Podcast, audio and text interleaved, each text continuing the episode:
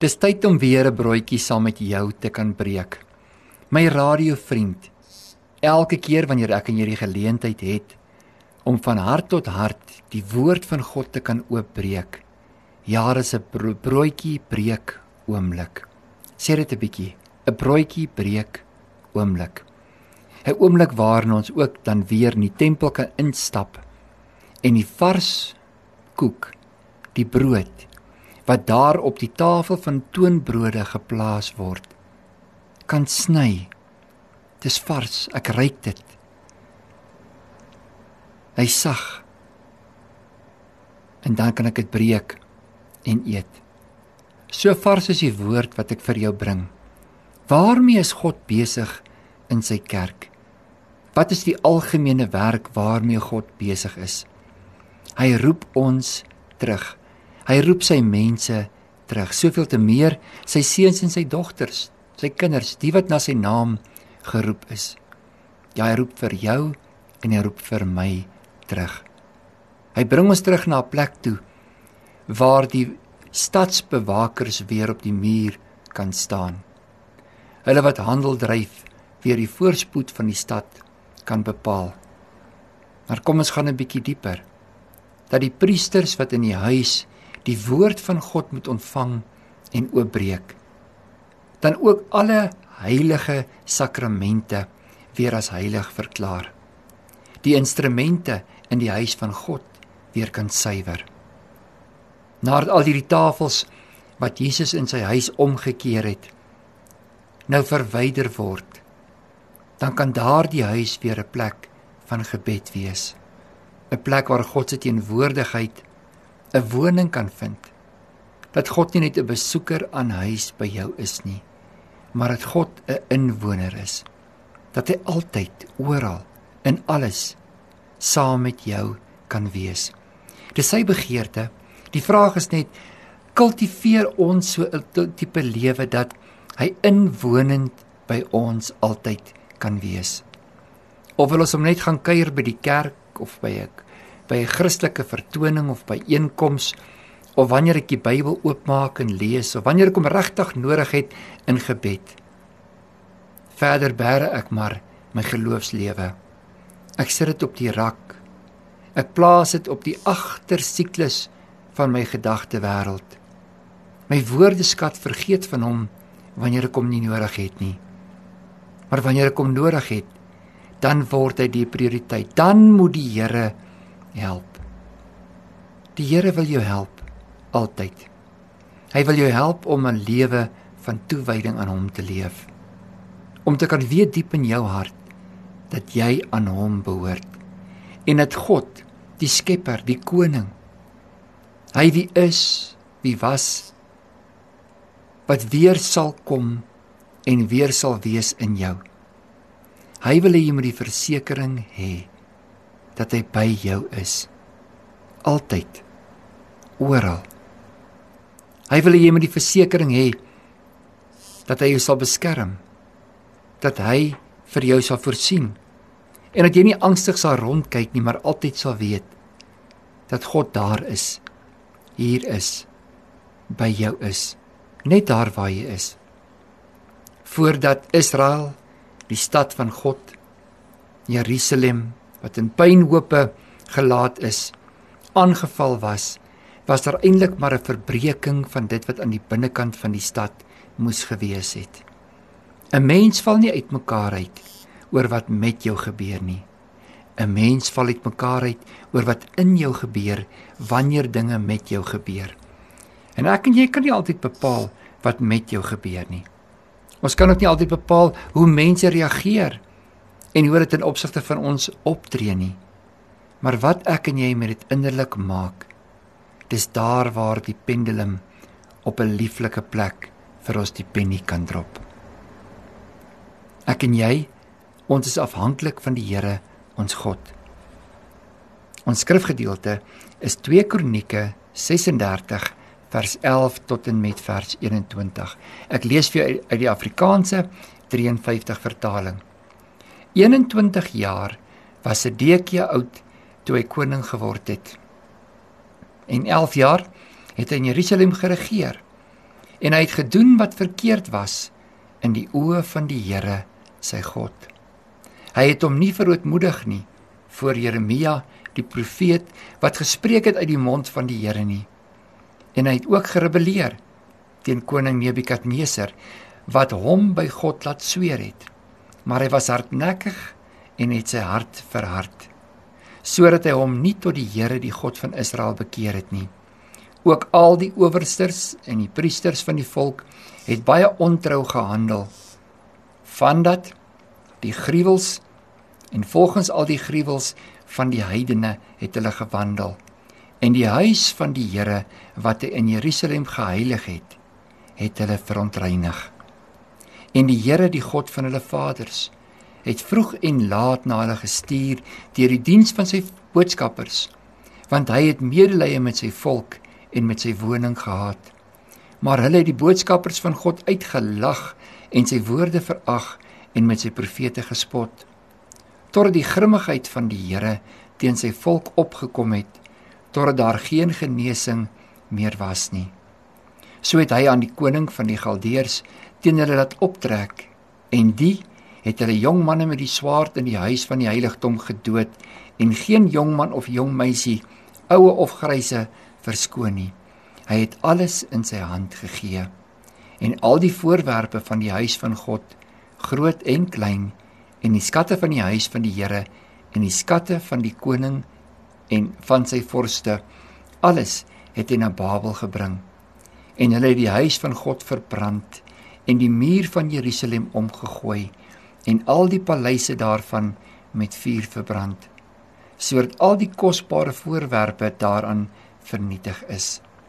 En die wat van die swaard oorgebly het het hy na Babel in ballingskap weggevoer en hulle het vir hom en sy seuns slawe geword tot die koninkryk van Persië tot heerskappy gekom het sodat die woord van die Here deur die mond van Jeremia vervul sou word totdat die land van sy sabbate vergoeding gekry het. Al die dae van die verwoesting het dit gerus om 70 jaar vol te maak. Dit is 'n baie interessante gedeelte veral met die afspeling wat in uh, Israel besig is om plaas te vind. Mense wil kant kies. God wil hê ek en jy moet geregtigheid kies. Maar soek alleeers die koninkryk van God en sy geregtigheid en al die ander dinge sal hy by jou lewe byvoeg. God kom hier in hierdie hoofstuk en hy kom praat met sy volk. Hy stuur sy profeet. Kyk hoe reageer hulle teenoor die profeet. Nommer 1 het hulle hom uitgelag terwyl God met hulle wil praat oor wat verkeerd was in sy oë. Hulle lag daarvoor toe die profeet kom. Tweedens rebelleer hulle teen die koning. Hulle was hardnekkig hulle harte verhard en hulle het gedoen wat verkeerd was in die oë van die Here. Vir alles wat verkeerd gaan in die oë van die Here is daar 'n nagevolg vir die mens. Dis wanneer mense uitroep en sê Here, hoekom gebeur dit met my? Hoekom gebeur dat met my? God wil hê ons moet weet. Hy kom praat met ons. Ons moet ag gee op wat hy sê. Hy verander en pas nie sy woord aan na die omstandighede nie. Sy woord is die waarheid. Die enigste manier hoe ek en jy toegewyd kan leef, is om onsself te heilig in die waarheid, sy woord. Om ag te gee wanneer God praat en hoe hy praat. Om te kan luister wanneer God besig is om met jou en met my in hierdie lewe te kan praat. Sensitief weer te wees. Miskien kom daardie woord van God deur die prediking van jou dominee, jou pastoor of jou priester, die plek wat jy die huis van God noem, waar jy so gereeld na heen gaan. Daar is God besig om met jou te praat. Hy's besig om met jou te praat deur die goed en die sleg in jou lewe, die dinge wat om jou aangaan, jou man, jou vrou, jou kinders, vriende. So is God besig om sy wil in jou lewe te openbaar. Daar's egter geen plaasvervanging vir die woord van die Here nie die kommentaar en die opinies van mense weeg nie regtig op wanneer dit kom by dit wat God gesê het nie.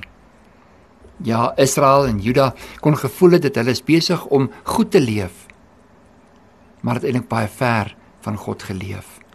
Hulle het maar net soos die heidense volke die gebruike van die heidense volke opgeneem en nie anders gelyk of geleef as dit wat ver van God af was nie.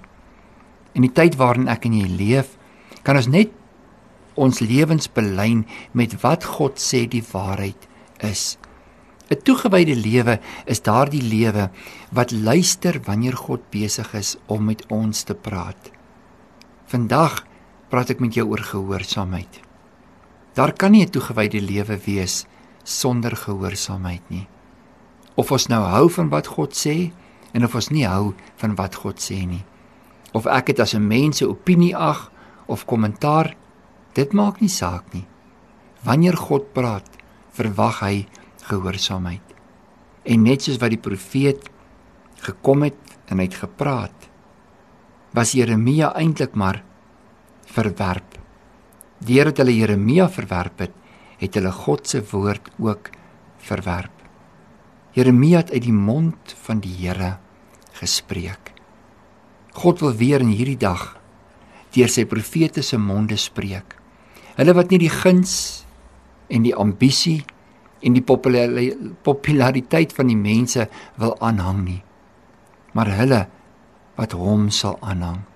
Hulle wat na sy woord sal luister. Hulle wat sal sê Here, hier is ek, u spreekbuis. Ek sal praat soos u sê. Ek sal u woord bevestig in elke profesie wat ek ook gee vir hulle wat u aan my openbaar, Vader. Hier is ek, stuur my en gebruik my. Die volk was in ballingskap weggedryf. Die liggaam, die vlees word in gevangene geneem want die gees het afgedwaal van God af. Die gees het hom nie meer belyn met die woord van die waarheid nie. Daar was nie meer vryheid nie. Ja, bewaar my in die woord. Bevry my in die waarheid. As ek die waarheid ken, dan sal die waarheid my vrymaak. As ek my oor draai teen die waarheid, as ek my oor toemaak vir die waarheid, hoe sal ek dan die bevryding kan beleef? die losmaking wat daar alleenlik in Jesus Christus in my lewe kan ervaar. Here, ek draai my oor om te hoor wat U sê sodat ek kan luister.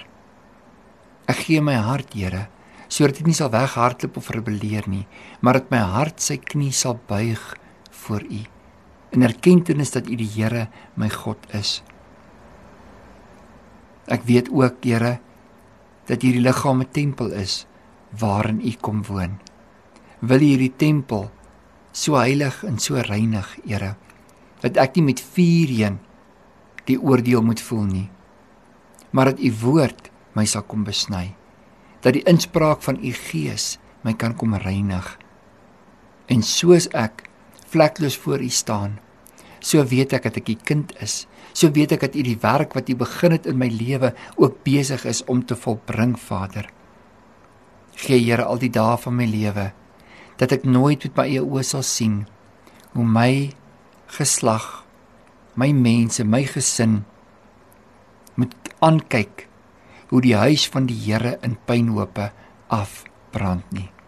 Wil U altyd die stad bewaak? Wil U altyd die Here God van ons mensdom wees. Wil U in Suid-Afrika ook in hierdie oomblik, Vader, die harte kom draai na U toe. Wil U in hierdie oomblik alles wat ons dalk in die rigting van ballingskap mag bestuur as 'n mens. Wil U dit kom verbrand? Wil U ons oë kom vestig op Jesus U seun, die weg, die waarheid en die lewe, sodat Suid-Afrika en die toekoms van hierdie land Vader in U is. Met daardie vertroue kom ons na U toe vandag om te sê Here, ons leer wat met Israel gebeur het. Ja, ons sien ook wat gebeur. Ons wil innerlik ons lewens kom oprig. Ons wil innerlik weer die troon van ons hartskamers vir U oorhandig. Dit wat heilig is, weer heilig verklaar. Die tempel kom opskerp sodat ons tempel die huis van gebed sal wees dat U woning in ons kan kom vind en dat U groot werke en wonderwerke deur ons lewens sal kan kom doen in Jesus naam Amen.